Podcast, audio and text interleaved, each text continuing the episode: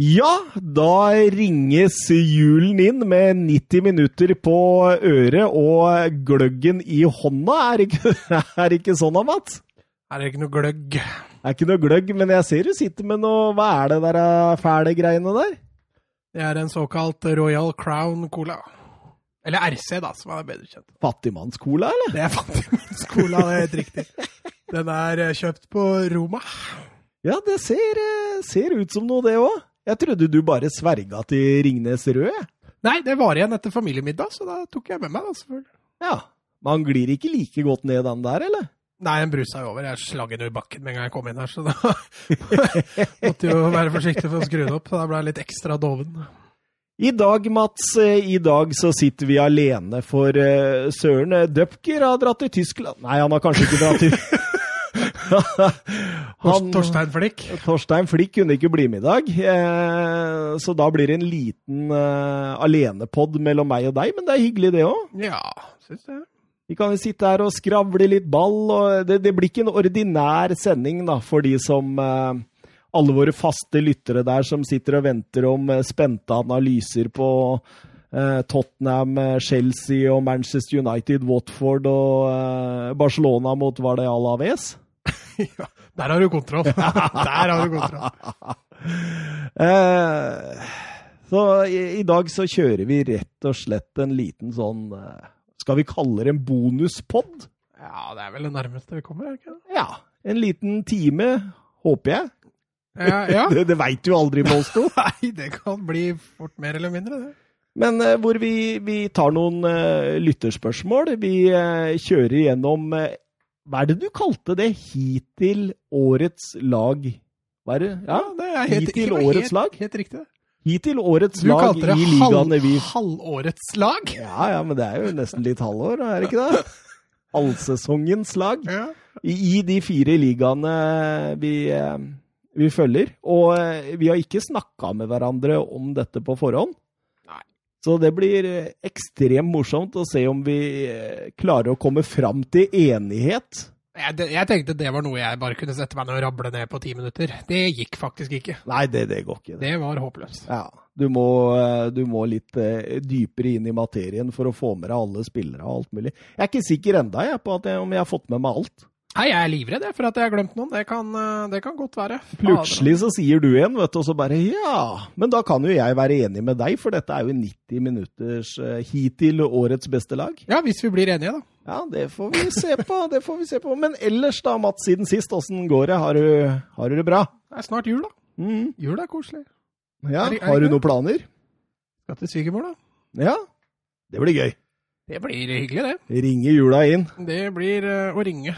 Ja, jeg tar med meg familien, og så stikker jeg eh, til Rjukan, til mine foreldre. Det blir veldig hyggelig. Ja, sist du var på Rjukan, så kom du hjem kun for å spille inn en podkast, så Ja, ja absolutt. Det er, det er jo et ikke så langt å altså. kjøre. Nei da, to og en halv time. To, ja. Ser du hvor dedikert jeg er, vet du, Mats? Dedikert, vet du. Viktig. Ja, ja. Eh, Helga mi denne gangen har jeg vært på jobb stort sett hele helga og vært sjuk. Så det har vært veldig gøy å kombinere de to. Ok. Ja, ja. Så eh, vet du hva, natt til lørdag, det er noe av det verste jeg har opplevd, faktisk. Oi. Altså, jeg fikk ikke sove, og jeg bare lå og hosta. Så det endte til slutt opp at jeg sto opp klokka sånn, jeg tror det var to på natta. Og, Da har du jo ikke prøvd lenge ennå. Jo, for jeg la meg i ellevetida, for jeg var så død, liksom. Ok. Og så eh, Vet du hva jeg endte opp å se, eller? Paradise Hotel sesong tre. Nei Du kjenner meg, det må jo være noe fotball.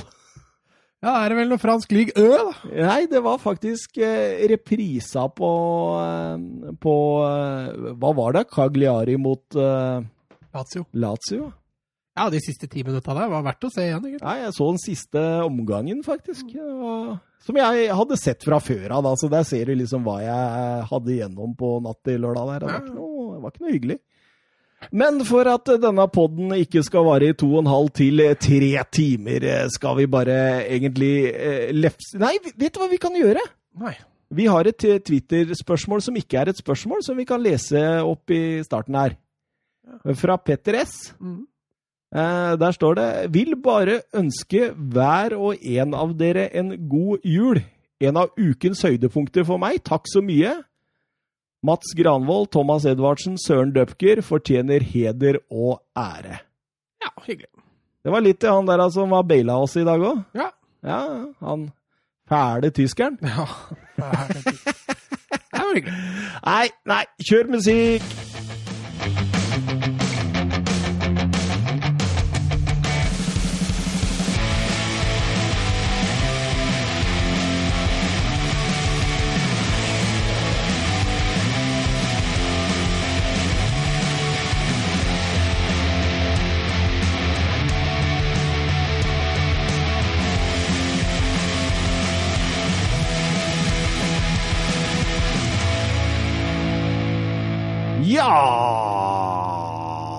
Vi, da var vi i gang da, Mats, og vi kjører vel eg egentlig rett på uh, hittil årets lag.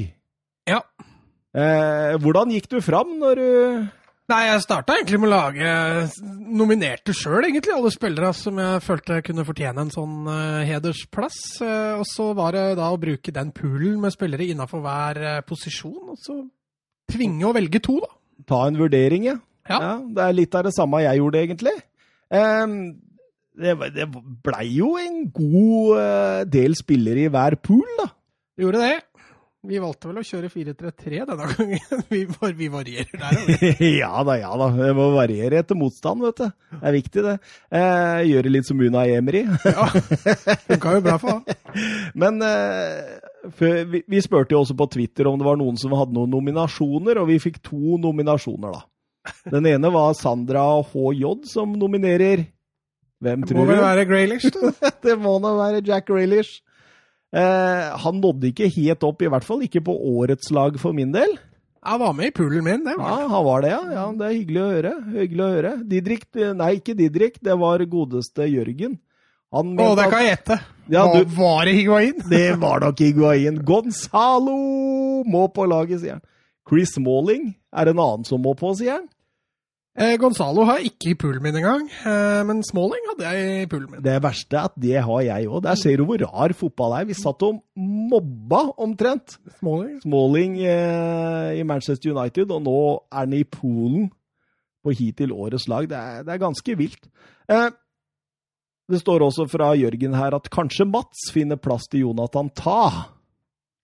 Ja, jeg skulle ønske han hadde gjort det så bra at det var mulig, men eh, så bra har han rett og slett ikke gjort det, altså. Nei, han har ikke det, nei. Nei, De har vært litt uh, variable bakover, disse Bayern Leverkosen. Ja, det kan man vel trygt si at Jonathan Ta har vært også, så da det er litt for mange andre solide stoppere der ute til at han uh, fikk plass. altså. Ja. Nei, men skal vi begynne årets uh, hittil årets lag i en 4-3-3-formasjon? Og da begynner vi jo selvfølgelig bakerst, vi. Ja. Eh, skal vi ta annen hver, eller? Sånn at eh, jeg sier min først, og så du din høyrebekk neste, liksom, eller noe sånt? da? Ja. Da har jeg til slutt ramla ned på Stensny. Keeperen til Juventus har fått ti kamper bare i Serie A, tross alt. Eh, Buffon har tatt sju av dem. Men i disse ti kampene har han vist at han er Juves klart, klart beste keeper. Eh, sjansespill syns jeg rett og slett er når Juve bruker eh, Buffon. Og eh, jeg, jeg skjønner ikke helt den pleasinga av Buffon, for eh, Stensny har vært strålende. Og det er mitt valg. Ja, jeg har Altså, jeg hadde landa på tre keepere i poolen min. Hadde, det var den poolen jeg hadde med færre spillere. Stenchny var tredjevalget mitt, men jeg landa på Ter Stegen. Eh, jeg syns han har vært eh, den beste keeperen som jeg har sett. Tre åpenbare tabber i denne sesongen, Mats. Han, han, har, han har kanskje to. Jeg kan gå med på to. Det var tre, Men, men, så eh, tre. all, men de kan, altså, han har redda også en, såpass mye med poeng at eh, at han, Jeg ser faktisk ingen keepere som altså som i tillegg spiller absolutt alle kampene. da. Du nevnte Mhm. jo det med Stenchny. Det var egentlig en av hovedgrunnene til at jeg ikke falt på Stenchny, er at han har spilt en god del færre kamper enn det. Men det, er, det, men det er jo ikke pga. skader eller pga. at han har liksom på en måte er satt ut. Det er kun for å please Buffon. Jo, jo, men når du ser på antall kamper, spiller jo ingen rolle hvilken grunn. Altså, han har, uh, han har spilt nesten halvparten av kampene enn de to som jeg hadde foran han. da. Ja. Uh, så det var jo et av argumentene jeg brukte for å, for å ha Stenchny At ikke han blei valgt. Mm. Så jeg har landa på Ter Stegen. Ja, ok. Hadde du noen andre i poolen din der, altså? Ja, reservekeeperen min den har jeg satt på, på Jan Sommer. Mhm. Eh, han syns jeg har vært sol meget solid i Gladbach. Har vel ikke hatt noen åpenbare tabber. Hadde nesten tabber, men, eh, men ingen eh, Ja, Ingen- altså, jeg, jeg har ikke Ter Stegen på i pool- poolen min engang. Men, men, men jeg er litt som deg, da. Jeg har veldig få eh, spillere i denne poolen, faktisk. Jeg har eh, Handanovic. Mm. Syns han har vært god. Jan Sommer er der. Mm. Eh, det samme er Alex Meret i Napoli. Ja. Eh, hadde ikke det vært for han, så hadde Napoli vært mye lenger ned på tabellen. Det var litt vanskelig å velge engelske keepere òg, for Ederson har vært veldig rufsete, i tillegg til skada og suspendert. Uh, Allison har vært mye skada, så det har vært vanskelig Ja. å velge han. Uh, De Gea så det senest i dag, hvordan han famla inn en, enn en, en han absolutt skulle tatt. Eh, så det har vært vanskelig å velge engelske ja, jeg har ingen, jeg. Nei, jeg har ikke noen engelske heller. Men jeg har Luigi Sepe også, for Parma. Syns også han har vært veldig imponerende når eh, Men jeg falt på Stensny, du falt på eh, Ten Hag Ten Nei, Ten Hag, sier jeg. Ter Stegen. eh, klarer vi å bli enige, eller? Altså, jeg har jo Stenchen i Polen, så så jeg får jo bare gi meg på den der, eventuelt. Ja, Skal vi gjøre det sånn at den som har den i Polen, gir seg? Ja. Ja. Problemet er at jeg har veldig mange i Polen Ja, ja. Er... på resten av plassene. Ja, ja, men det, det løser vi etter hvert.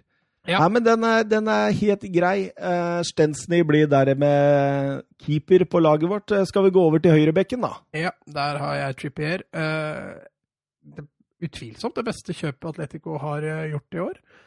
Uh, er, meget, er en meget stor bidragsyter offensivt. Mye av det Atletico skaper, starter ofte med, med Trippier. Eh, jeg syns han har vært eh, rett og slett eh, Atleticos kanskje beste spiller så langt i år. Og i hvert fall da ligas beste høyreback.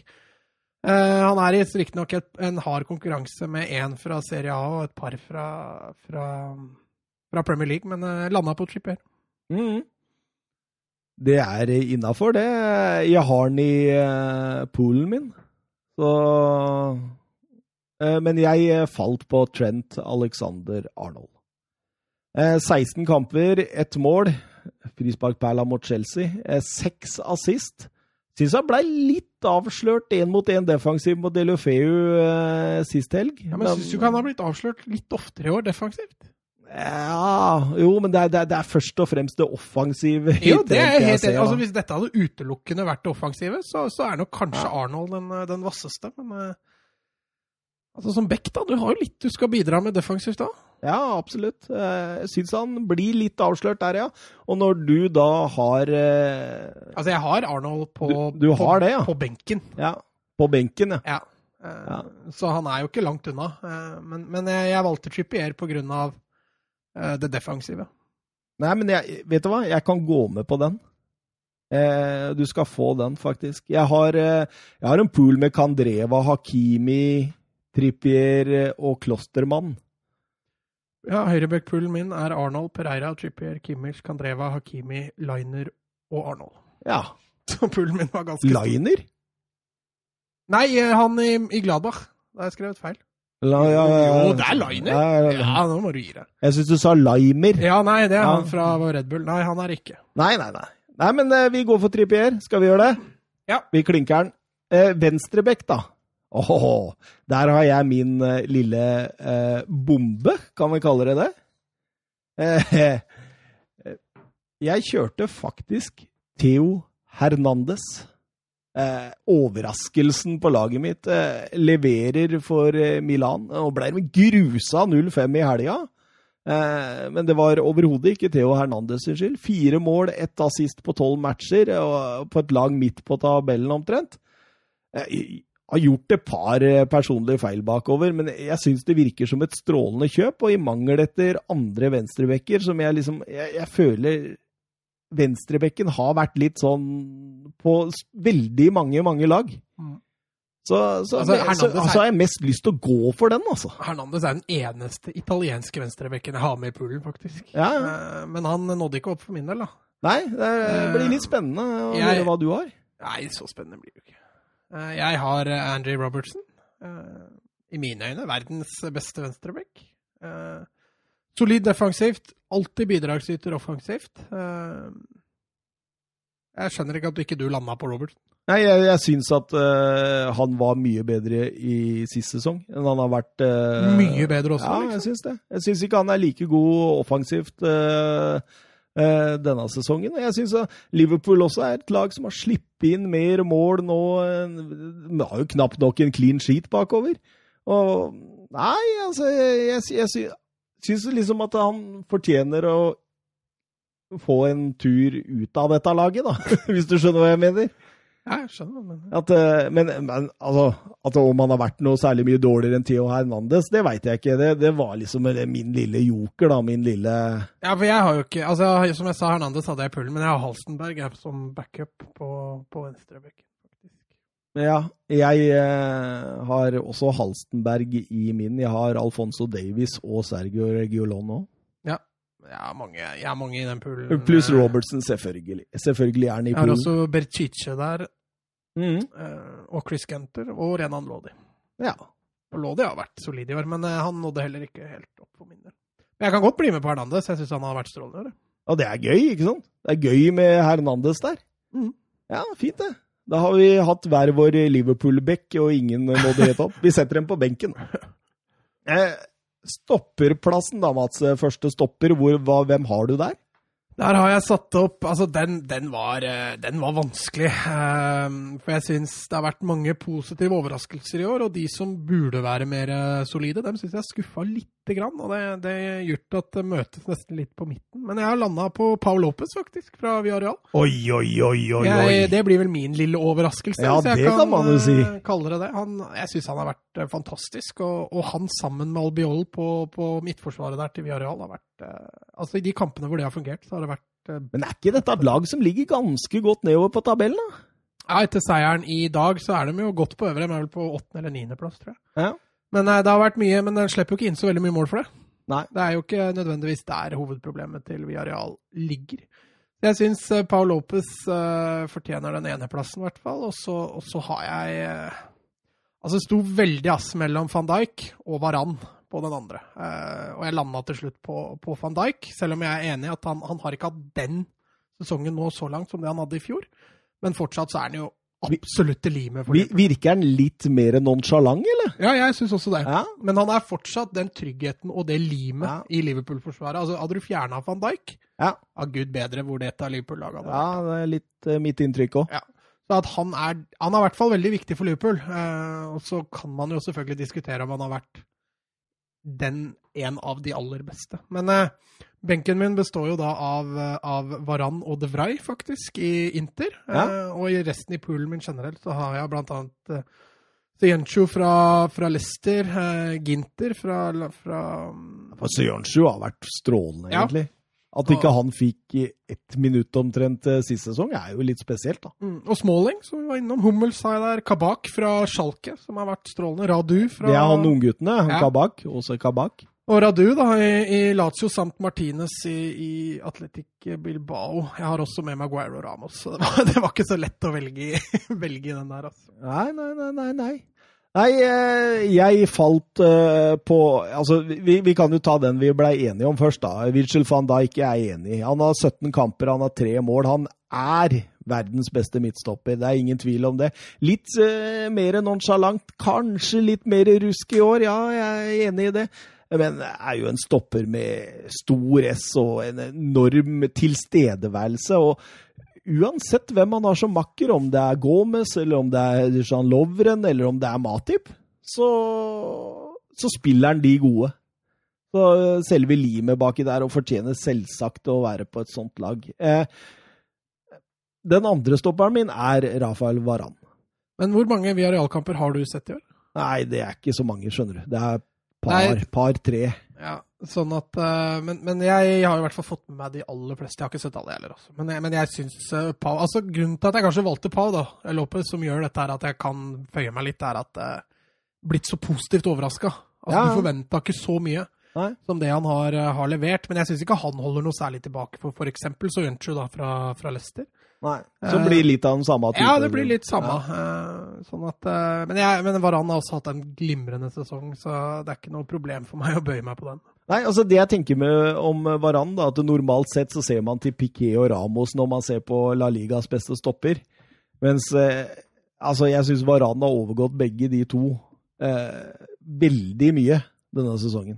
Ja, det, altså veldig mye er jeg ikke helt enig i, men at han Ja, men jeg, jeg syns verken Piquet eller Ramos har vært spesielt gode i år. I det, av det jeg har sett. Jeg syns uh, Piquet han bommer litt på posisjoneringen veldig ofte. Han eh, havner litt ut, han havner litt på etterskudd. Eh, er ikke like konsentrert i spillet som det han har vært før. Eh, Men jeg, jeg, jeg syns jo også Varan bommer en del i posisjoneringa. Men han jo, man han tar igjen med Ja, det farta er si. akkurat det jeg skulle til. Ja, Han redder seg jo med tempo. Det, det sliter jo Piquet med nå. Ramos har jo vært hva skal vi si, på det jevne, hvis vi Ja, kan kalle men det så plutselig så kommer disse store tabbene Ja, hans, blant annet sånn alt- mot Lareal og diverse, som liksom Det har han jo alltid hatt. Han Ja. har alltid hatt noe blundere hver sesong. Eh, Så han, men, men han var, Ramos er med i poolen, men han er ikke med i Men skal vi gå for eh, Hvem skal vi gå for? ja, Da blir det van Dijk og Varan, da. Ja, det gjør vel det. Eh, I poolen min har jeg også Jeg har faktisk, eh, Av de du ikke har nevnt nå, så har jeg Gianluca Manzini. Jeg har Diego Carlos på Sevilla. Og jeg har også Atletics Alvarez. Syns jeg har vært bra de kampene jeg har sett han. Hvem? Atletics? ja, absolutt. Hvem, hvem Atletic Bilbao, eller? Jereis Alvarez. Alvarez. Okay, ja, skjønner. Mm. Eh, skal vi gå videre? ja. Eh, skal vi begynne med den sentrale, eller? ja, det kan vi gjøre. Eh, hvem er det først nå? Er det meg eller deg? Ja, det spiller Dette går litt eh, Jeg kan godt begynne. Jeg, jeg har uh, Pjanic i den dype. Eh, altså den eneste Juventus-spilleren, sammen med Stenchny, som jeg faktisk fikk eh, plass til. Som har gjort det Nei, unnskyld, jeg har med en til, selvfølgelig. Um, som har gjort det bra. Uh, kanskje, altså Litt av grunnen til at jeg er glad i Pjanic, er fordi han er best offensiv i den sentrale rollen, og da blir man veldig glad i ham. Uh, han har ikke de helt store defensive egenskapene, men offensivt så er han spillfyrer, og ja, han uh, gikk rett og slett foran eh, Fabinho, som jeg satte på benk. Ja. Og det samme har egentlig jeg. Det står at det sto mellom eh, Fabinho og Pjanic. Eh, Blei Pjanic, for jeg syns han er enda bedre offensivt. Eh, styrer spillet og har tatt Jorginho-rollen i Sarris system, syns jeg er veldig, veldig bra. Altså Så bra at man nesten kan kalle den Pjanic-rollen. Utfase Jorginho-rollen, særlig siden han ikke spiller i Jorginho-rollen i Chelsea lenger heller, så. Ja, ellers i den sentrale rollen, gud bedre. Altså Zakaria, Witzel, Serdar, eh, Rodrigo fra City, Entidi fra Leicester, Casemiro, Busquets, Brozovic, Partey, McTominay, Merino, Kovacic. Det var ganske Du, mye du, å du hadde mange der. Det var mye å velge mellom, Kanté og var, der var det mye å velge. Altså. Jeg tror ikke jeg tok med så veldig mange. Wilfred Ndidi har jeg med, i hvert fall. Han øh, syns jeg har vært strålende. Og så syns jeg faktisk en som jeg tidligere har slakta noe voldsomt, men som jeg syns er tilbake litt på det nivået han hadde første sesongen. Casemiro. Casemiro. Ja. Fordi han har blitt bra igjen, han. Han Fordi- har skjerpa seg litt. Ja, det er virkelig. Så um, Til øh, de som hører tidligere episoder hvor jeg både har slakta og sagt at de burde ha en øh, ny sittende, så ja, ja. Fått orden på Casemiro. Det er ikke det så uh, nødvendig lenger. Eh, skal vi begynne å ta de to indreløperne, da? Ja, Da kan jo jeg begynne, da. Eh, der har jeg falt på assistkongene Kevin De Brøne og Luis Alberto. ja, jeg har akkurat de samme. Eh, Så vi har samme midtbane, altså? vi har akkurat samme midtbane, faktisk. Oi, oi, oi. Eh, Luis Alberto, som jeg sa i forrige podkast, kanskje tidenes, eller i hvert fall denne sesongens mest undervurderte fotballspiller. Han har også begynt å bidra med målpoeng. Skåra også i dag mot Juventus i den italienske supercupfinalen. Som gikk i Qatar, så jeg. Ja, stemmer. Eh, og De Bruyne, da. Altså, de to, bare de to siste kampene hans har jo vært eh, Altså, han spiller på et høyere nivå enn alle andre i Premier League for tida. Mm. Han, eh, han er altså så outstanding og kanskje blitt litt sånn Citys svar på, på, på van Dijk. Fjerner du De Bruyne fra dette City-laget, så tror jeg det lugger straks mye mer. altså. 16 mål, 6 mål og 10 assist i Premier League. Eh, selvskreven i laget mitt, ja, og kanskje den spilleren som jeg syns hadde vært totalt sett best i hele Hva sa du? 16 mål? Nei, 6 mål og 10 6, assist. Ja. Og 16 kamper. Ja. Eh, jeg syns han egentlig har vært totalt best av samtlige spillere. Altså, Nå er det vanskelig å, å sammenligne dette, men altså, la oss kalle det 90 minutters Ballon d'Or, da. Ja. Så ville den gått til Kevin De Brøne for min del. Det, det var en god idé, Thomas. Neste, når sesongen er ferdig, så er det 90 minutters Ballon d'Or. Det skal vi jaggu ha. Skal vi ha med avstemninger og sånt? Ja, da må vi ha avstemninger. Tre, to, én. Og penger under bordet, eller? Ja, nei, men vi kjører noe sånn at folk der ute også kan få stemme, da. Penger under bordet er ikke Ja, men Det var ikke dårlig. I forsvarsleddet så var vi bare enige om van Men Dijk sånn i utgangspunktet, og Altså- på midten så er det tre like, altså. Men jeg har, altså jeg nevnte jo Fabinho på benken, men jeg har også Parejo på benken. Eh, Valencias klart viktigste spiller i år. Uten han så tror jeg det hadde sett veldig mørkt ut. Og så har jeg Martin Ødegaard på benken. Ja, det, er, Eh, det har jeg jo. Han synes jeg, altså han har jo vært strålende, og han danker da ut av spillere som jeg hadde der, som Valverde, som har vært glimrende i Real Madrid i år. De Jong, som har vært glimrende i Barcelona. Barella og Sensi tok jeg ikke med, rett og slett fordi de har vært for mye, litt for mye skada. Ja, ja, ja. Eh, også, også SMS, da, som du kaller den, hadde jeg i poolen. Han syns jeg har vært glimrende i år.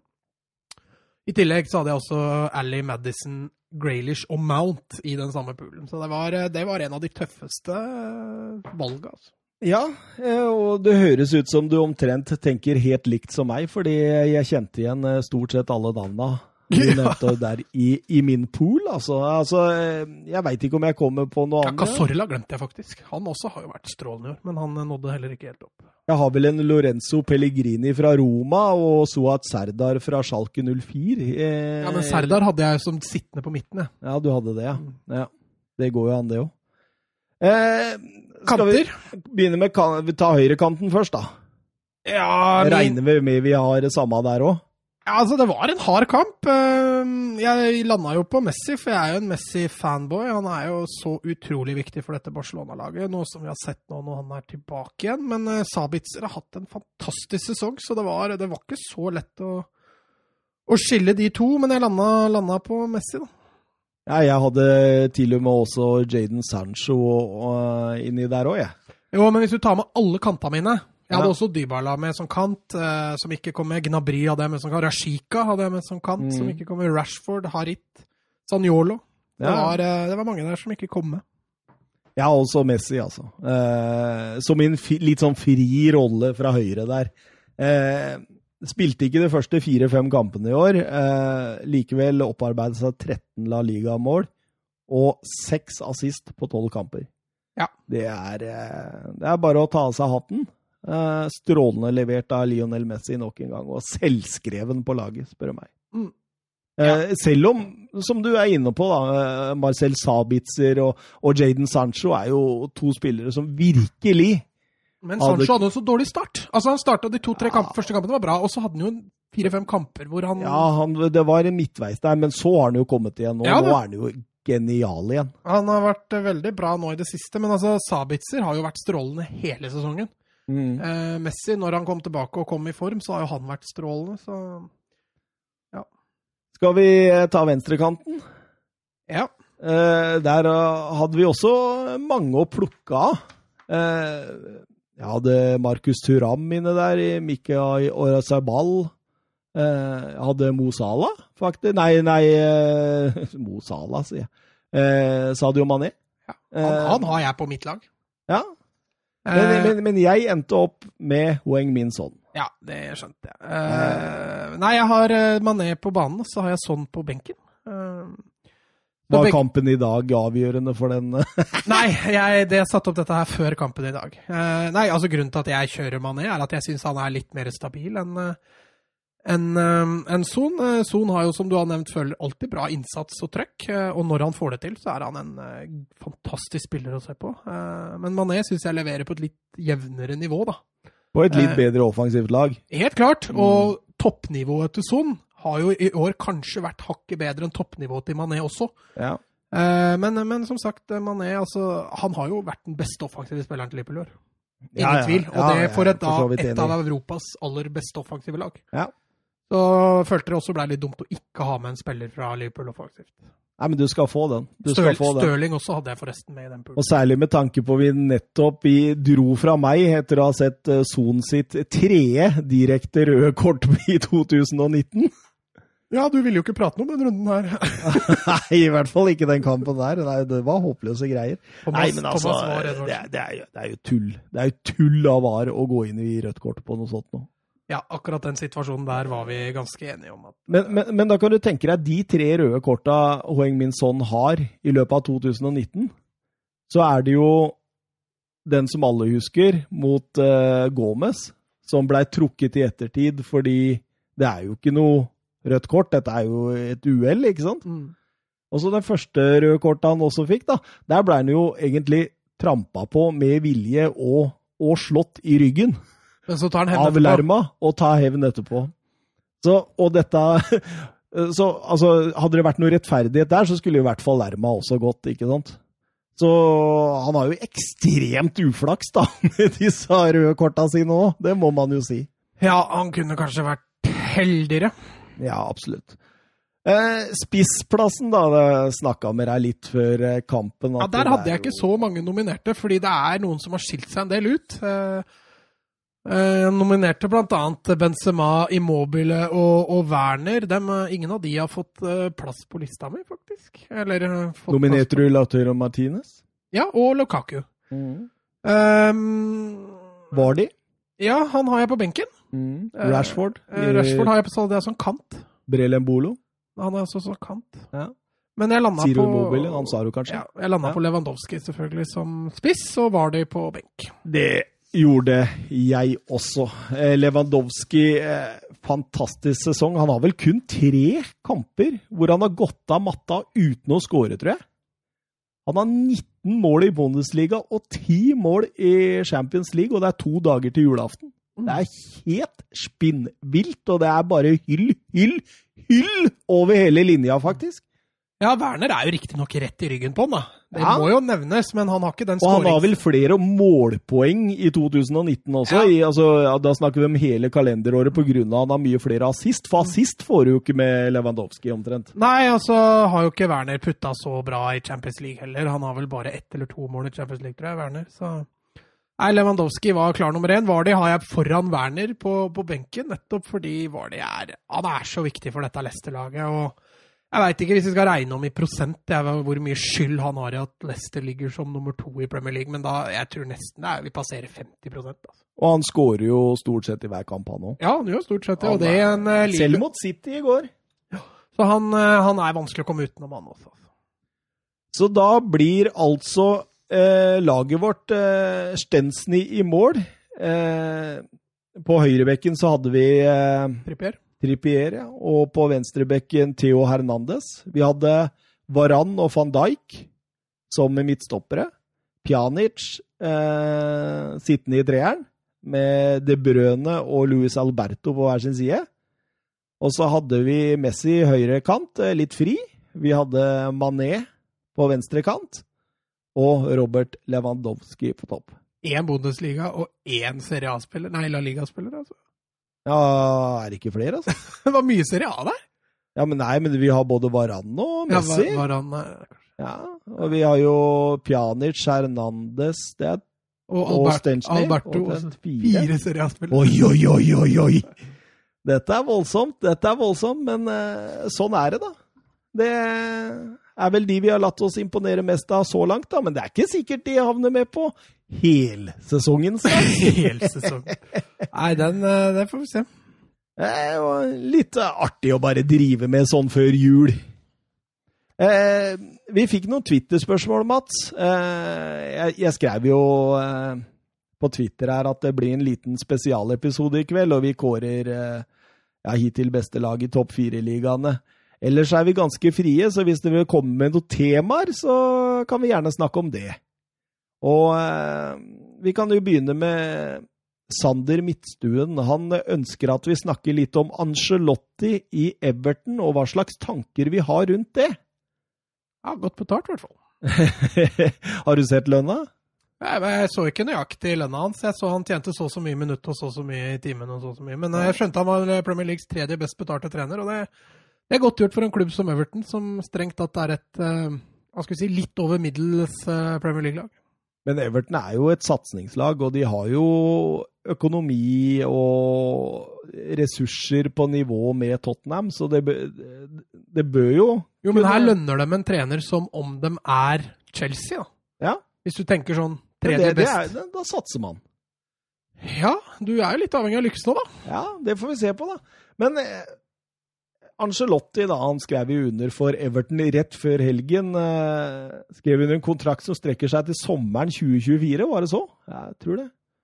Og jeg mener jo at Everton drar i land en storfisk her, da. For vi kan jo, vi, de snakka jo om Mark Hughes og, og David Moyes eh, før sesongen, eller før Ja, da er det kanskje greit å overbetale en annen trener for å slippe de. Jeg tenker jo Everton-fans som må være i sjuende himmel. Ja, hvis du sammenligner uh, Angelotti med Hughes og sånn, så er jeg helt enig. Eh, Han har vunnet eh, Champions League eh, tre ganger. Eh, To ganger med AC Milan og én med Real Madrid. Mm. Han har vunnet La Liga. Han har vunnet Serie A. Han har vunnet Bundesliga. Han har vunnet Ligue Ø. Og han har vunnet Premier League. Er litt av merit- merittlista han kommer drasende med, da. Ja, men når du ser klubben han har trent, så er ikke det bakgårdsklubber. Nei, han må helt tilbake til 98, er det vel? Før han hadde et sånt lag som du kan sidestille litt med Everton, da, i Parma. Mm. Eh, Gjorde det jo for så vidt bra der, i- så det blir spennende å se.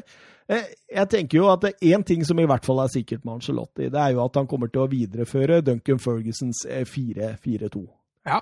Det er jo skrevet i stein. Eh, Han har vel stort sett aldri hatt noen andre formasjoner. Han kjører litt 4-3-3 offensivt og slipper den ene kanten noen ganger ned i midtbaneleddet defensivt. Men han har jo også sagt det sjøl. Jeg har faktisk lest biografien hans. Og da sa han en gang det at, eh, at eh, i 4-4-2 det er den beste defensive formasjonen. Jeg er helt enig. Mm. Både vertikalt og horisontalt i forhold til avstander og, og diverse. Og i, Real Madrid brukte han jo ofte 4-3-3, men med en gang de mista ball, så var de faktisk nede i 4-4-2. Det er ikke så mange som har fått med seg. Nei, men det er litt sånn Barcelona spiller nå, faktisk. Ja. At Grismann går ned? eller? Griezmann faller ned. Suárez og Messi har litt frie tøyler. Men eh, jeg kjenner absolutt igjen det du sier. Han liker jo Altså, når du snakker Angelotti, da, så liker han jo backer som er med framover. Han liker to duellsterke midtstoppere. Han liker én defensiv og én offensiv på midten. Eh, kvikke kanter som kan gjerne gå begge veier. Og gjerne en duellsterk angriper ved siden av en fleksibel og litt mer bevegelig spiss, ikke sant? Eh, ba, bare kjøpet hans eh, denne sesongen med en Fernando Llorente og en Hirving Lozano eh, sier jo litt om det. Den konstellasjonen. ja. absolutt. Eh, så, hva, hva tenker du når du ser troppen til Everton i forhold til hva han, eh, hva han jobber med, skal jobbe med? Altså Det vi har sett nå, da, Duncan Ferguson-style, så har jo det passa Everton greit. Eh, de har en hurtig stopper i Colgate. De har to brutalt eh, i sa, sa du Colgate? Nei, sa jeg Colgate? Jeg veit ikke! Holgate. Jeg skulle i så fall si Holgate hvis jeg sa Colgate. det gleder jeg meg til å høre etterpå. I Holgate der, altså. Og så har de jo to fysiske, da, i Mina og, og Keane, så han eh, passer jo fint inn eh, sånn sett. Og samme på midtbanen. Tom Davies og Fabian Delf blir jo sånn sett. Men Sigurdsson den offensive. Jeg tror han har et spennende lag i forhold til sånn han ønsker å spille. Så blir det spennende å se om de er bra nok, da. Ja, jeg, jeg, jeg veit Jeg tenker i hvert fall at bekkene de, de får han vann i munnen. Fordi de er sånne offensive type bekker som han er veldig glad i. Luka Ding, eh, Jibril eh, Sidebe og godeste Simus Coleman. Og Leighton Baines. Ja, og Baines, hvis du vil ta med han. de, de er bekker etter hans uh, hjerte. Mm. Eh, også som du er inne på, Colgate. Ja. Eh, han, har, han kan jo representere farta, men jeg, jeg tror han vil bruke Jeremina og Michael Keane. For han er veldig glad i altså, Du ser jo også på Napoli ja, med Manolas og Kolobali at det er, det, er, det, skal mye, det er mye muskler inni der. Og da, da passer jo egentlig Michael Keane og, og Jeremina. Mm. Eh, veldig bra til det. Han, han er jo ikke så opptatt av det med distribusjon fra stopperplass. Og dette snakka vi jo litt om før sesongen òg, Mm. at Everton mangla en igangsetter bak der. Ja, i, i forhold til Marco Silvas spillestil, ja. Mm. Men, men eh, altså, distribusjonen begynner først i det defensive midtbaneleddet hos Angelotti. Det er derfor han, han har brukt Allan mye i Napoli, ikke sant? Eh, og jeg tenker jo det at det der er det veldig viktig for han å ha en spiller som på en måte utfyller hans eh, krav. Da. Så jeg, jeg, jeg tror f.eks. i et januarvindu at han ikke kommer til å satse noe i Forsvaret i det hele tatt.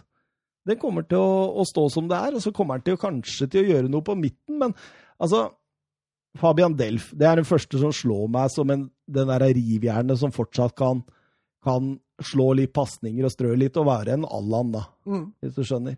Eh, André Gomez også passer jo fint til den rollen, eh, men han er jo Han er ikke tilbake med det første. Nei, han er jo don på en god, god stund, tror jeg. Eh, derfor kan jo Tom Davies komme inn der og gjøre en OK jobb. Eh, jeg er usikker på om Gylfi Sigurdsson vil passe den. Eh, Ikke som, Men det må jo være den offensive av de to, da, selvfølgelig. Ja, men tror du ikke at eh, Altså, tror du ikke at han blir for offensiv? Altså, Han har jo ikke blitt det nå under Duncan Ferguson. Nei. Jeg syns han har fungert greit som en av de to sentrale. Han spilte noe med Tom Davies da, på høyre midtbane mot Arsenal. Mest av det defensive hensyn, tror jeg. Men øh, ja, nei, det blir øh, Kanskje det er det du mener at han der bør se på en ny spiller? Ja, altså, det, det er litt vanskelig å si. For altså, de, de, Duncan Ferguson har vært glad i å skyve Holgate opp, som, eh, som eh, den Duracell-kaninen på midten. Eh, ellers så kommer jo også Jean-Philip Gamin. Han kommer jo tilbake fra skade i januar. Mm. Se, spennende å se hva han kan tilføre, men eh, ja jeg, jeg tror kanskje han vil fokusere i januar på å hente en sentral midtbanespiller, i hvert fall. Jeg tror nesten det. Eh, helst en av offensiv art. Jeg tror ikke Altså, jeg er nesten sikker på at Gylfi er litt sånn litt for offensiv. At han er litt for mye tier Mm. for han i det systemet. Men det, det får vi se på, da. Eh, eh, på topp eh, så passer jo Rikarlisson eh, som hånd i hanske. Han passer jo ikke som en kantspiller for, eh, for Angelotti, han passer jo på topp. Mm. Eh, så jeg tror han vil rendyrke Rikarlisson som spiss. Og så tror jeg, vi, så tror jeg på, høyre, eh, på høyrekanten på midten så tror jeg han vil prøve å squeeze Theo Walcott, faktisk. Ja, Er han skadefri nå? Ja, det er jeg litt usikker på. Han spilte jo ikke og satt ikke på benken mot Arsenal. Nei, men han har vært litt ute i kulda, skjønner du, og vel så det. Ja, men Han starta jo første kampen til Ferguson. Ja, han gjorde det, ja. Ja. Mm. Eh, og så tror jeg også Bernard kan få tillit på venstre. Ja, du har en nivå ved òg, da. Ja, men eh, igjen så tror jeg han passer mindre bra i forhold til eh, Carlo Angelotti Ancelotti sine tankeganger om hvordan kantspillere skal være. Men det, det, blir spennende å se hvordan han eh, drar Ja, ut det, av er det. ikke, det er ikke flust med kantspillere i Everton, altså. Nei, ikke nå lenger. Altså, Du har eh, de vi har snakka om nå, Ivoby Iwobi og, og Walcott og, og Bernard. Bak der så er det, det er ganske tynt, altså. Mm. Det, ofte så har de trukket, trukket uh, Rikarlisson ned. Mm. Og så eh, Silva spilte jo med én spiss og så to sånne eh, Eller tre bak, da, med to ikke reine kanter bak, ikke sant. Eh, men jeg tror i en 4-4-2 så tror jeg fort at eh, at de, disse kantspillerne der kan Han vil i hvert fall prøve, men det kan godt hende han også vil forsøke å, å kjøpe noe der i januar. For han Offensivt så har han jo altså han har jo fire spisser, så kan vi jo diskutere kvaliteten på de spissene. altså Richarlison og, og Calvert Lewin har jo under Duncan Ferguson vært solide. Vært Og det, bra. og det er de han kommer til å bruke. Ja, bak, men bak der, altså Moise Kane har jo vært en kjempeskuffelse så langt. Og, og Sheng Tosun har jo ikke, ikke vært altfor bra. Så han gjorde jo nok et sånt dobbeltbytte igjen, Duncan Ferguson, nå mot Arsenal, der han setter innpå Schenk Tosun, og så bytter han ut igjen. Så. Ja, ja, ja, stemmer det. Han, han gjør litt mer rare Hva skal vi kalle det? Litt sånn menneskelig dårlig management, kan vi kalle det? Eller eh, lagmessig gode vurderinger. Det, det spørs alt ettersom. Ja, altså det er den med Schenk Tosun. Jeg skal ikke være så bastant, men den Moise syns jeg forstår jeg ikke. Jeg, jeg så Twitter når Schenk Tosun kom inn, altså. Det Everton-fansen var ikke veldig fornøyd. Det var de som bytta han ut. jeg, jeg tror det. Eh, men jeg tror han vil kjøre på topp eh, Rikarlisson og Dominic Calvert-Lewin. Jeg tror det. Eh, Av de fire vi har snakka om nå, så er det ingen tvil om at de to har levert best. vel? Nei, og, og, jeg, og jeg tror også at uh, han vil forsøke å kjøpe en uh, høyrekant og en venstrekant i januar allerede. Hvor uh, mye penger tror du Everton har? nei, de har ganske bra med cash, skjønner du. Men De brukte jo en god del i sommer òg. Ja da, men jeg, jeg, jeg vil jo regne med at han har blitt lova noe midler. Hvis ikke så ville han ikke tatt den jobben, hvis det, her er, dette er det du får. Men Ja. om det skjer i januar, eller om det skjer i sommer Det er ikke usikkert. billig å hente gode spillere, i hvert fall. Nei, men, men jeg tenkte eksempel en uh, Lorenzo Insigne, er det helt utopi? Nei, det er det vel ikke. Han er vel i uh, relativt uh, dårlig forfatning med, med Loren- Retiro. Ja, Retiro det, er det. det skulle kanskje være mulig, men han har jo ikke vært god i år, han. Nei, men jeg bare tenker en miljøskifte. da. Han har jo vært i Napoli siden katta dro inn, holdt jeg på å si. Så det, Ja, det kan godt hende at det hadde hjulpet eh, litt. Det blir jo ikke så stort miljøskifte da, hvis Ancelotti fortsatt er treneren din. nei. Men det er litt spennende. F.eks. For eksempel en Insigne og en Elmas, da. Som Han skal, han skal loppe Napoli, altså. Ja, det er ikke vanlig det at en, en manager tar et par-tre spillere med seg. Jo da, det kan godt være. Nei, eh, hva tror du? Eh, Sånn konklusjonen? Ja, altså at Everton har fått landa et eh, stort uh, managernavn og en, kan, være en viktig brikke. Uh, men uh, det må skje ting på spillersida for at dette Everton-laget skal begynne å snakke om topp fire, i hvert fall. Det, det er dem ganske langt unna nå, føler jeg. Det, er ikke, det er ikke, hjelper ikke å bare bytte trener, så er du plutselig topp fire. Altså. For et lag som Everton. Vi fikk et Twitter-spørsmål også fra Hvem var det nå fra igjen, da? Det var eh, Vebjørn Fredheim som lurte på hva vi tenkte om Arteta i Arsenal. Ja, apropos lag som er langt unna topp fire. Eh, eh, er du redd for at Arsenal har blitt litt for romantiske når de har henta Arteta, eller? Altså, for romantiske, hva legger du i det? Nei, at uh, gammel klubbkaptein med 150 kamper uh, Ja, du, tenker, du tenker ikke fotballfaglig? Nei, Jeg tenker mest at uh, der har vi en eh, Altså, tror du ikke skolen hans under Pep Guardiola i tre år, at det har vært totalt avgjørende for den, eh, den ansettelsen der? Jo, at Arsenal altså Det var det jeg tenkte at når du mente romantisk, at Arsenal skulle begynne å spille Tiki Taka-fotball. Eh, det har ikke Arsenal fotballspillere til, så jeg håper at Arteta greier å justere seg litt. Det er det første han må ta tak i, og det har vi snakka om en million ganger. er det er jo å få rensa opp det defensive. Nå holdt vel Arsenal nullen for første gang på 13 kamper i, på, på lørdag, så de, eh, det er vel der jobben til Arteta må begynne. Med en haug av unggutter i laget? Det var voldsomt med poler han kjørte innpå der han godeste Jungberg i sin siste kamp. Ja, det var gøy å se at han satsa Saka på venstrebekken. Det er jo et ordentlig problem de har på venstrebekken nå, med både Tierney og Kolasinac ute, så Men tror du Arteta snakka med Jungberg før eh, kampen og, og var litt sånn pådriver i form av eh, lagoppstillinga? Eh, Altså, at de kanskje har prata sammen før kamp, det kan godt hende, men hvor mye Arteta la seg opp i laguttaket, det Han har vel kanskje fått noen direktiver, men jeg tror ikke han har fått noe beskjed om at bruk han og han. Ja, eh, Arteta sa på pressekonferansen at han var svært offensiv. Sa det var en stor ære, og Arsenal var en av verdens største klubber. Og i en sånn klubb så måtte man kjempe om trofeer, og det hadde han også gjort klart eh, på jobbintervju med Stan og Josh Crunky, altså eiera. Eh, men så sier han noe som er veldig vesentlig, tenker jeg. Han sier at dette er ikke gjort over natta. Og det er veldig viktig å tillegge for Arsenal-supporterne. Altså, jeg tror hvis han hadde kommet dit da, med en sånn greie om at sånn som Litt sånn Lampard-opplegg. At uh, vi skal kjempe om gullet. Mm. Så tror jeg det fort kunne surna. Men nå kjøper han seg tid med å si klart ifra at her må vi gjøre omveltninger, og det vil ta tid. Det kan være lurt, det. Ja, altså Emry fikk jo, fikk jo brukbart med tid. Fikk vel halvannen sesong nesten. Eh, fikk en litt skuffende femteplass eh, i fjor, men var veldig nære Champions League-plassen. Tapte Europaliga-finalen.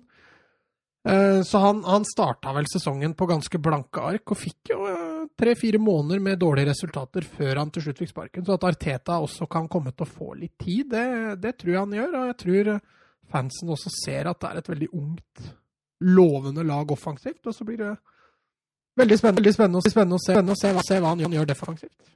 Ja, Paul Morrison, gammel klubblegende, var svært skeptisk. Eh, sa at det er vel og bra å ha vært tre år under ledelsen med, under Guardiola, men selv Guardiola ville slitt å lede dette Arsenal-laget.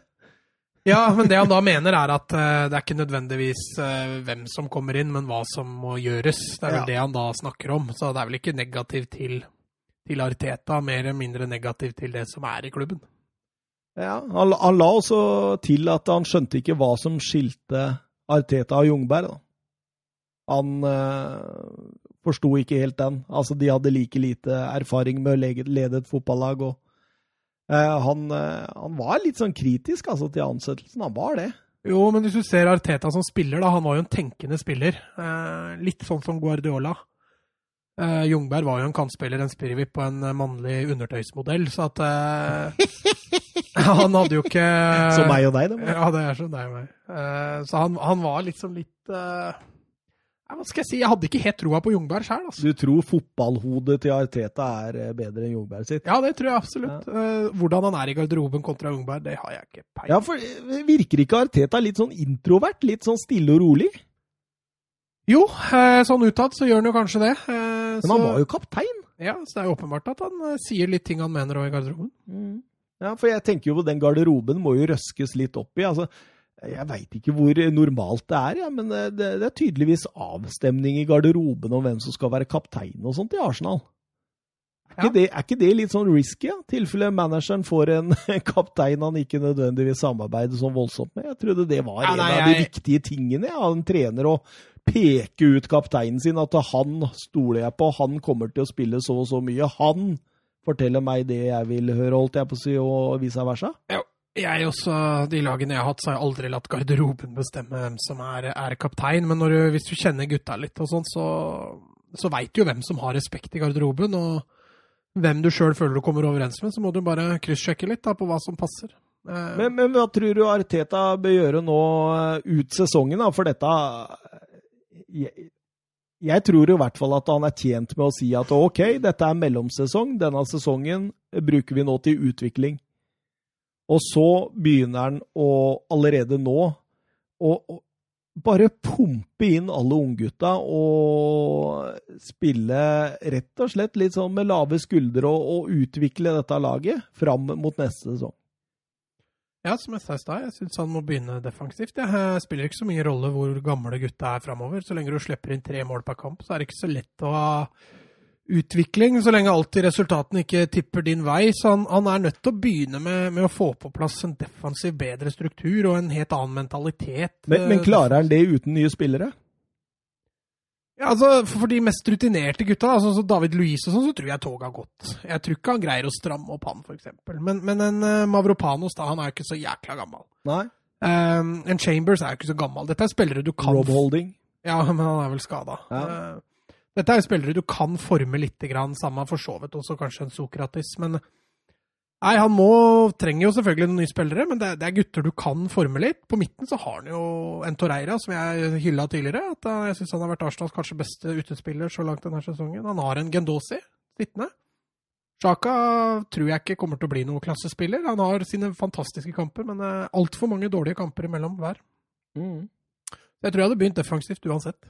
Og i sommeren da, bare kvitte seg med Øzil, Sokrates, Louis, Mustafi, Beirin, for å nevne noen, eller? Ja, Beirin, syns du han skal gå? Ja, han er jo bare skada. Det er jo ikke nødvendig å ha sånt ja, men, der. Men sånn i gard, ja, altså, garderoben veit jeg ikke, men, ikke, men sånn. Ikke kvalitetsmessig når han spiller. Ja, altså, nå, nå, ja. nå, er, nå de skadene preger Beirin, og det ser du. Ja, altså Beirin på sitt beste, var, han var jo en av de beste bekkene i Premier League. Ja, ja. At han har blitt prega av skader, det, det er det vel ingen tvil om.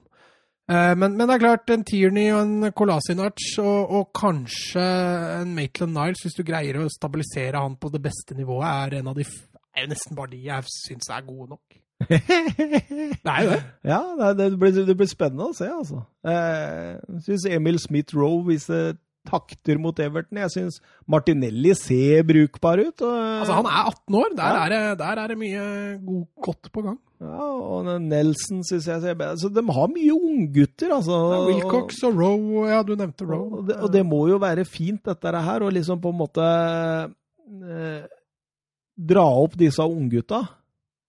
Du veit at Jason Wilcox spilte i Blackburn i sin tid? Ja, sa jeg Wilcox? Ja, jeg tror det. Willoch. Husker du Jason Wilcox selv? Det Ja, husker, det var kantspilleren sin, det. Husker Jason Wilcox herja på venstresida. Han fora 17, han. Åh. Jeg husker eh, Blackburn hadde Chris Sutton og Graham Fenton. Det var, eh, det var spissparet sitt.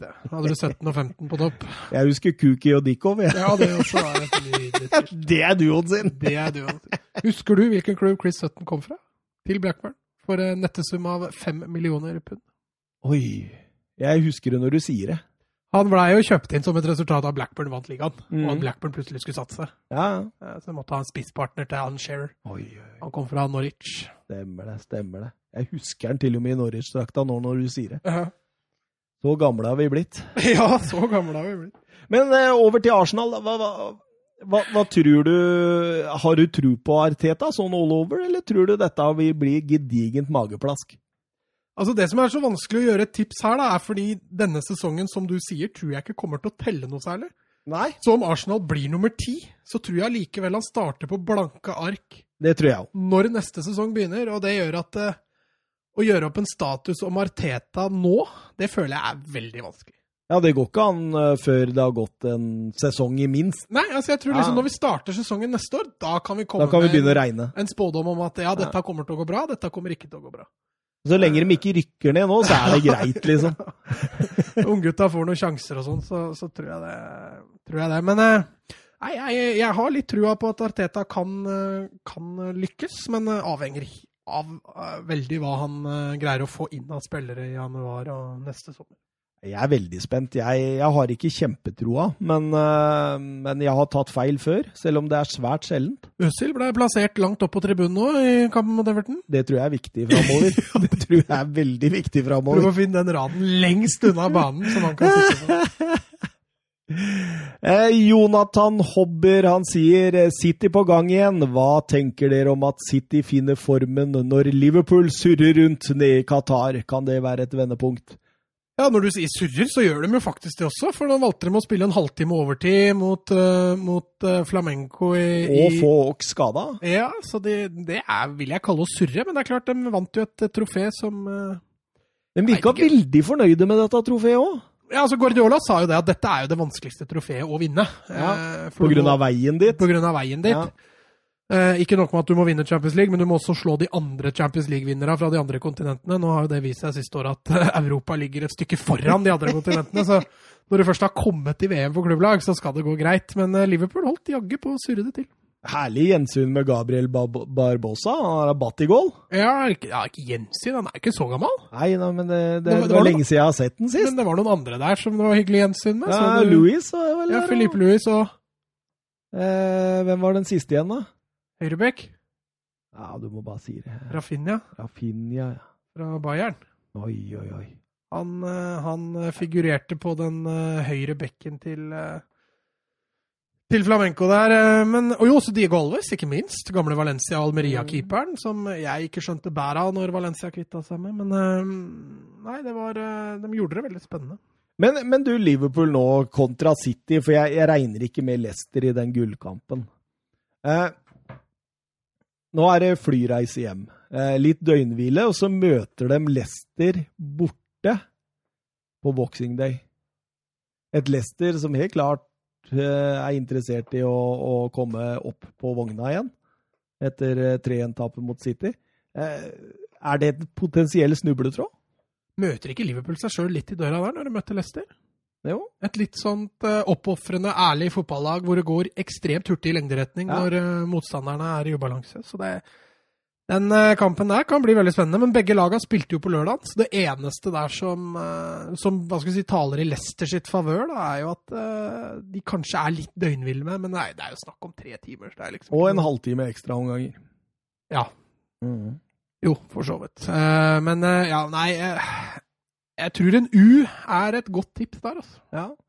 Eh, Videre så møter de eh, Wolverhampton på Anfield tre dager etter, og første nyttårsdag er det Sheffield United. Eh, På bortebane. ja. Nei, hjemme, faktisk. Hjemme. United er På hjemmebane der, altså. Ja, ja, ja. Eh, eh, januar ut for Liverpool er Tottenham borte, United hjemme og Wolverhampton borte. Så det er ikke noe enkelt fram til januar. Og så er det vel noe FA-cup der, eller? Ja, det er noe FA-cup inni der og sånt, ja. Og noe Carabao Cup for eh, City òg. De møter vel Manchester United i semien, tror jeg. Ja. Eh, men jeg tenker jo det. Klarer Liverpool gjennom denne perioden å holde en seks-sju poengs ledelse ut januar, så vinner de. Men hvis Seks-sju poeng er ikke mye, da. Nei, men altså, hva, hva er det de leder med nå? De leder med Er det elleve og én kamp mindre spilt? Eh, ja, det er i hvert fall én kamp mindre spilt. Altså, De leder jo til Leicester, da. Det må jo, må jo nevnes. Og leder de med ti poeng. Ja, de leder med elleve, faktisk, til City, med én kamp Ja. mindre spilt. Og la oss si de taper eh, mot eh, Leicester Boxing Day, da. Som er helt uh, Det er troverdige saker. Hengekampen til Liverpool, det er Westham.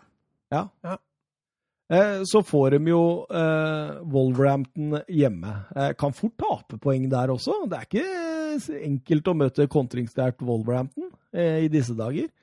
Eh, Sheffield United hjemme. Jeg tror Sheffield United eh, ikke ta poeng der. Altså. Jeg tror det Anfield og første nyttårsdag eller andre nyttårsdag eller hva det er, blir for stort for dem. Ja, der tror jeg Liverpool skal gå greit. Og så er det Tottenham borte, United hjemme og Wolverhampton borte. I, I verste fall så står Liverpool med seks-sju poeng i løpet av denne runden. Eller ut januar, da. Mm. Um, I verste fall, da. Uh, altså realistisk i verste fall, tenker jeg. Og da tenker jeg, hvis City da vinner samtlige 15 poeng som de kan ta i denne perioden, så, så er blir det kamp. Da, da blir det kamp. Ja. Men hvis Liverpool vinner eller får ni poeng eller mer på de neste seks kampene som vi har ramsa opp nå, da tror jeg ikke det blir kamp. Da tror jeg Liverpool seiler ut. Men eh, det, det kommer hele- litt an på skadesituasjonen og alt. Jeg har sagt det hele sesongen at jeg tror Liverpool vinner det. Ja. Ikke hele sesongen, kanskje. Nei, men- ikke, ikke ligatipset ditt, så da. Eh, City har for øvrig Wolverhampton borte, Sheffield United hjemme, Everton hjemme, Villa borte og Palace hjemme i eh, denne perioden. Overkommelig, det òg. Det er helt overkommelig, utenom kanskje Wolverhampton borte. Det er, det er en tøff nøtt, altså. Eh, Sigbjørn eh, Fatnes Bø han spør hvorfor står Alenia med tre kamper fra start av denne sesongen? Han har jo vært helt fantastisk når han har fått muligheten. Ja, tre kamper fra start. Altså, han spilte første serierunde i La Liga mot eh, Bilbao. Da var vel du og jeg ganske enige om at Eller jeg var vel enig om at han hadde spilt en OK første gang og ikke burde vært bytta ut, mens du mente han var uh, elendig og fortjent, ble fortjent bytta ut. Kampen han hadde nå sist mot Inter, da hadde det altså gått over tre måneder fra forrige kampen han spilte, eh, til han skulle starte igjen mot Inter, og da syns jeg han var Det er kanskje hans beste kamp i Barcelona-drakta. Oi, oi, oi. Um, hvor han er med å diktere mye. Han løper ekstremt mye og er, eh, er bra. Eh, jeg tror det resulterte litt i at han også nå fikk starte mot, mot Alaves nå i helga. Og gjorde det bra, eller? Ja, han gjorde det helt greit. Altså, han hadde ikke den dominasjonen Han dominerte ikke spillet så stor grad som han gjorde mot Inter, men han gjorde seg på ingen måte bort. Grunnen til at jeg tror han Altså, han lider jo veldig under at Barcelona har mange spillere på midtbanen. Altså, du har en eh, Hvis du ser bort fra den sentrale midtbanen, da, hvor det er bare Busquets og Rakitic og de Jong som er aktuelle, så konkurrerer han jo da med, med Artur, med Vidal, med Rakitic, med de Jong. Altså, han har veldig mange konkurrenter. Og at eh, Valverde er glad i Vidal, det er jo ingen hemmelighet. Eh, han har sansen for Vidal. Eh, og at han da De Jong er jo reservert den andreplassen når Busquets spiller. Og da blir veien lang fram for, for Alenia. Men jeg er helt enig. Jeg ville heller sett et La Masia-produkt som kan levere mye av det samme som Vidal kan gjøre. Så du Men- vil selge Vidal til Inter og Conte? Ja, ja, ja. Helt Ja, klart. ja. Eh, Han er jo bra, jo. Vidal er en spiller Altså, han er jo den Altså, han passer inn i enkelttyper kamper. Men han er jo ikke noe typisk Barcelona midtbanespiller. Men han er flink til å gå i rom, da. Han er, flink, han er veldig bevegelig. Han er en god førsteforsvarer. Han er, uh, han er, også, han er sånn typisk boks-til-boks-spiller. Mm. Uh, det er noen perioder Barcelona savner, å ha en indreløper som tar de dype løpa. Men det er noe Alenya tror jeg lett kan tillæres. Uh, så nei, jeg er litt uforståelig i likhet med, med Sigbjørn, men Hvor gammel er kalven? Alenia er vel 22 nå, så han er ikke sånn superung lenger. han har blitt voksen, altså. Han begynner å bli voksen, men dette er jo helst en sesong hvor han burde fått spille litt, da. Ja, ja. Uh, ikke kun tre kamper fra start, sånn som Sigbjørn er inne på her. Nei, det er helt riktig. Uh, og det, rykt, det, er jo rykter om at både Vidal og Rakitic ut, men også rykter om uh, Alenia leies ut til Betis. Så det er mulig han forsvinner. Det, det, kunne jo vært en løsning hvis ikke Valverde vil bruke nå, da. Og låne ut til Betis. Der får han jo spille litt Barca-fotball.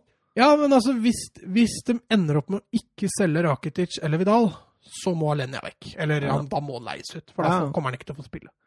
Men hvis de ender opp med å selge Vidal og eller Rakitic, da bør de jo helst beholde den. Kanskje Angelotti burde slå til, da, for de trenger en uh, litt offensiv midtbanespiller med motor og ja, ja. altså, Jeg har også tenkt Alenia. Altså, når han er litt mer ferdigutvikla, så ville han passa veldig bra inn i Liverpool, tror jeg. Den midtbanen der. Mm. Eh, men han er ikke helt der oppe ennå, men eh, han har potensial til det. Ja, absolutt. Eh, Sigbjørn, vi går videre, vi, og da er det Didrik Tofte Nilsen som sier snakk gjerne litt om Manchester United. Jeg sitter og ser de taper nok en kamp uten å produsere mye. Tanker? Og Da tenker jeg jo at Didrik Tofte Nilsen skrev dette spørsmålet før Pogba kom inn. Fordi denne kampen var ganske delt. Eh, en forferdelig kjedelig, egentlig, i første omgang. Det var nesten sånn at jeg mista litt motet der jeg satt og så. Den eneste klare målsjansen fikk Jesse Lingard eh, på en overgang da han blir spilt igjennom. Og vet, han prøver å lobbe keeper der. På, han kunne gått fint rundt, liksom. Det er jo bare Lingard som klarer å gjøre noe sånt nå. Eh, og United sliter mot etablert, som vanlig. Eh, annen omgang eh, starter da med at eh, de slipper inn to ekstremt billige mål. Først en kjempekeepertabbe av David De Gea. Og så et, eh, får de et straffespark hvor eh, ja, Aron Van Bissaka Jeg veit ikke hva han driver med der. Eh, han treffer jo på alle taklingene sine hele år, da. Bortsett ja. fra den der. Så det er mulig han begynner å bli litt få litt vel mye selvtillit når det gjelder det å takle. de setter i hvert fall to der. Og, og og så tenker jeg det at det, nå går det mot 2-0. Eh, eh, United vil ikke skape noe særlig, for Watford vil legge seg bakover. Men så setter Solskjær inn Ja, først så setter han inn Greenwood. Og så, rett etterpå, så setter han inn Pogba for Lingard. Og da begynner det å skje ting. Plutselig så får United den tieren vi har snakka om. Han som kan sette opp spillere, som kan dra av spillere, han som kan kjøre en vegg, han som kan ta inn løpa og, og, og rett og slett assistere disse tre på topp. da. Og United ble markant mye bedre eh, mot etablert. Med én en eneste gang, faktisk. Så eh, da produserte de faktisk en god del sjanser, og det var faktisk en god Ben Foster som gjorde at de ikke skårte både én og to mot slutten der, altså. Ja, du sa det jo fint etter kampen at uh, hvis det ikke er mer som skal til for at United begynner å skape mot etablert, uh, så kan jo dette reddes i landet likevel. Uh, da blir jeg litt redd for den sykkelturen, jeg. Ja. Ja, spørsmålet er jo bare hva som skjer med Pogba, da. Ja. Det fryktes jo fortsatt kraftig at Er det Real som fortsatt ryktes? Ja, det er fortsatt Real som er det store ryktet. Det er jo, han, det er jo den spilleren Zidane har lyst på. Han har jo ikke lyst på Eriksen, sånn virker det som. Sånn. Eh, så, men vi får se at eh, Pogba i form altså Det er veldig skummelt å begynne å dytte ut spillere som har vært skada så lenge nå midt i juleprogrammet. Altså, for nå kommer kampa jævlig tett. Så, mm, og da må, hvis, hvis, han ender opp med å selge Pogba, de, da må de jo ha inn en. Ja. Da må, de ha inn. Ha inn en, for du kan Men da har de plutselig det januarvinduet til å hente inn en, da. Du kan ikke leve på Pereira og Lingard. Altså. Det Nei, det nytter ikke. går ikke. Du må, altså Jeg syns Lingard er hakket hvassere enn Pereira. Ja, det har du sagt mer, enn flere ganger. Og Pogba er tre hakk hvassere enn Lingard igjen. Og det sier vel det meste. Ja, altså Lingard han er, han er så ubrukelig. Han. Jeg satt og så den kampen i dag. Han gjør ingenting riktig. Og når han for én gangs skyld gjør noe riktig og klarer å komme i, på et løp der og bli spilt igjennom, så gjør han det feil også. Så det er, det, er, det, er, det er helt natta. Han er absolutt ikke verdig en plass i Manchester United. Og det gjelder også, som du er inne på, Andres eh, Pereira. Ja, men eh, for all del, det har vi vel også nevnt før, at han må dytte Pogba inn i tierrollen. Han kan ikke dytte ned i en av de sekserrollene. Altså. Det... Men det tror jeg han har funnet ut nå, siden McTominay og Fred eh, passer såpass bra sammen i det tospannet. Ja, men du ser, jeg, satt og, jeg fikk jo ikke sett hele Watford-matchen, sånn som du sa, så fikk bare sett første gang. Og det igjen, da, når du ser hvor lite samstemte United er offensivt Altså, mm. det er Jeg satt og tenkte det i første gang der, at eh, jeg nekter å tro at Solskjær kan få lov å fortsette. For det er ikke framgang i det hele tatt. Um, som United, hadde jeg vært United-supporter eller leder av United, så kan man ikke sitte og se på at det er så lite framgang i det offensive. De har, Han sitter jo der med tre andre trenere rundt seg, i Filen og, ja. og Carrick, og han siste her husker jeg ikke hva heter engang. Um, og så er det allikevel Så gjør de altså samme feilene om igjen og om igjen, kamp etter kamp. Mm. Og jeg fatter ikke at det går an. Hvorfor er ikke dette jobba med? Hvorfor ja. spiller de ikke annerledes? Hvorfor gjør de ikke forandringer? Nei, det er, det er, vanskelig å si, men uh, kanskje Pogba er løsningen nå, da. Jeg veit ikke, men det, det, det, så faretruende bra ut etter at han kom, altså. Inn. Ja, altså, Vi skal jo ikke avskrive en spiller som Pogba, for at han går inn og forandre, kan forandre et hvilket som helst kampbilde. Det, det er det jo ingen tvil om. Men de må jo ha en slags plan B. Ja. Altså, plan A er overganger. Ja. Plan B fins jo ikke. Nei, ikke sant. Og det, det, det, det, kan ikke United altså Dette blir jo tiendeplass hvis Solskjær fortsetter dette ut sesongen. Liksom. Vi, vi, snakker om et Watford-lag som har ikke vunnet hjemme denne sesongen, og som har vunnet én kamp på de foregående ligamatchene. Jo, men der skal vi jo nevne at de har fått en ny trener. Eh, vi så det allerede mot Liverpool forrige, at Watford var, det var litt liv i dem igjen. De burde ha fått med seg et mye bedre resultat mot Liverpool enn det de gjorde. Eh, så at det skulle snu nå, det, det var ikke så overraskende. Men det overrasker meg at United fortsatt virker å være veldig langt unna. Altså. Utenom de siste 20 minuttene så får vi se om det var en slump, at det rett og slett var et Watford-lag som blei litt mer eh, passive pga. de ville forsvare ledelsen, eller om dette var fordi Manchester United med Pogba faktisk eh, har litt etablert offensivt angrepsspill inne også. Vi tror kanskje vi kan få litt av svaret på det allerede. Mot Newcastle? Boxing Day mot Newcastle. Mm. Der eh, er de virkelig nødt til å uh, gå på hesten når det kommer til offensivt, etablert angrepsspill. Ja. Absolutt. Nei, vi Siden dette er en sånn julepod, så er vi jo snart ferdig. Eh, vi kan vi egentlig bare ta ukens talent igjen, vi. Ja. Eh, hvem er det du har funnet for oss denne gang? Og vet du hva, Som jeg har sagt til deg tidligere, så hadde jeg ikke så god tid, så jeg måtte bare ta et talent jeg kunne litt om fra før. ja. Og lot meg litt hva skal vi si, motivere av flamenco-kampen i går. Så jeg fant meg et flamenco-talent. Oi, oi, oi. Veit du ikke hvem det er? Nei, kom igjen. Du har garantert hørt om den. Det er eh, Reinier. Ja, selvfølgelig. Han, en av de eh, største talentene i verden, sies det. Det er helt riktig. Eh, han, altså, jeg veit ikke, Grunnen til at jeg ikke har tatt han tidligere, er at han er litt kjent. Ja. Uh, men han er, som sagt Eller som sagt han er... Altså, også når han briljerer for Real Madrid om tre-fire år, om det så skjer, så er det ikke sånn at vi sitter og sier 'han fant du helt ukjent'. Ja, nei, så, du, så du, du, altså Han er allerede verdsatt på transfermark til 25. Ja, ikke sant. Så ikke han, sant?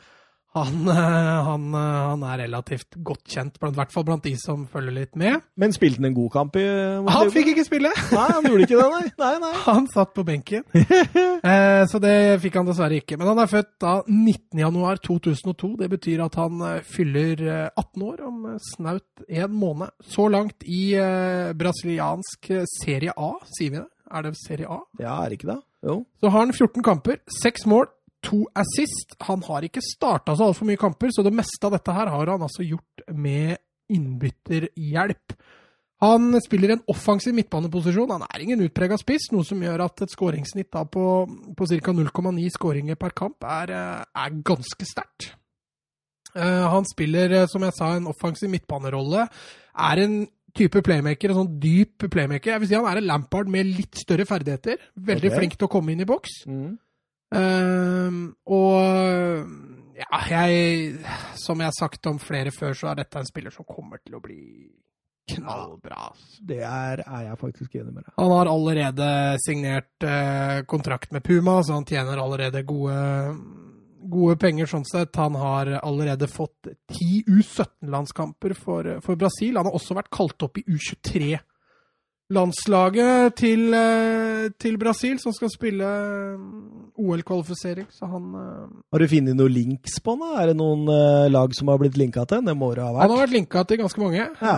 Der er det links over hele linja. Du har Real Madrid og City, så kanskje de to største, men, men både Barcelona, Manchester United og Juventus og Bayern München har også vært Altså han er rykta til de aller største klubbene. Ja.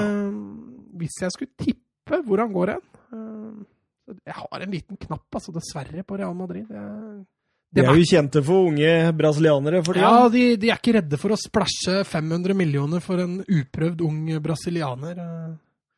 Så får vi jo, får vi jo se hvor han, hvor han lander hen. Han har jo en kontrakt nå som går ut 2024, etter å ha forlenga kontrakta si for bare en måned siden. Så han, han, eh, han blir ikke billig. Nei. Et uh, nydelig talent der, det er jeg sikker på. Jeg stor tro på han, for all del. Jeg tror han er enda, enda heitere enn eh, Rodrigo og Venitius også. Jeg tror dette blir enda større. Ja, men så spiller han litt annen type rolle òg, da. Jo, han er jo, ikke altså, Vinicius Men jeg tenker på i form av å liksom virkelig sette seg på kartet, da. Mm, Reinieri er jo litt mer hva skal vi si, Han er vel ikke sammenligne han med, med Martin Ødegaard, men han er jo litt mer sånn sentral spiller som er med litt mer eh, offensiv midtbane. Rodrigo Vinicius er mer innoverkanter-typer. Ja. Så det er litt forskjellige spilletyper, men jeg er helt enig. Jeg tror han kan nå enda lenger enn eh, begge de to. Kanskje blir Ødegaard og Reinier på hver sin indreløper for Real Madrid om noen år? Ja, det blir en dårlig balansert midtbane, i hvert fall. Nei, ikke med Casemiro bak der. Nei, får du en Casemiro, så hjelper det. Eh, mitt eh, talent eh, heter eh, så mye som Marco Cana. Har du hørt om den? Nei. Nei. Han er født 9. Eh, august 2002 eh, i Kinshasa. Eh, som de fleste som har fulgt med norske medier de siste, vet er hovedstaden i Kongo.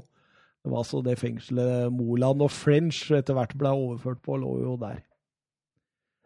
klubb Anderlecht. når det kommer en kongolesisk spiller, så er det fort å tenke at verden videre har gått i Belgia. Eh, posisjon, eh, sentral midtbane. Det er litt sånn defensivt anlagt. Eh, Marco Cana flytta jo tidlig sammen med familien sin til Belgia, og eh, var klart at eh, fotball det var liksom tingen for han. da. Han, han er et ekte uh, Anderlecht-produkt. Uh, spilt i klubben siden han var seks år, og har gått gradene hele veien.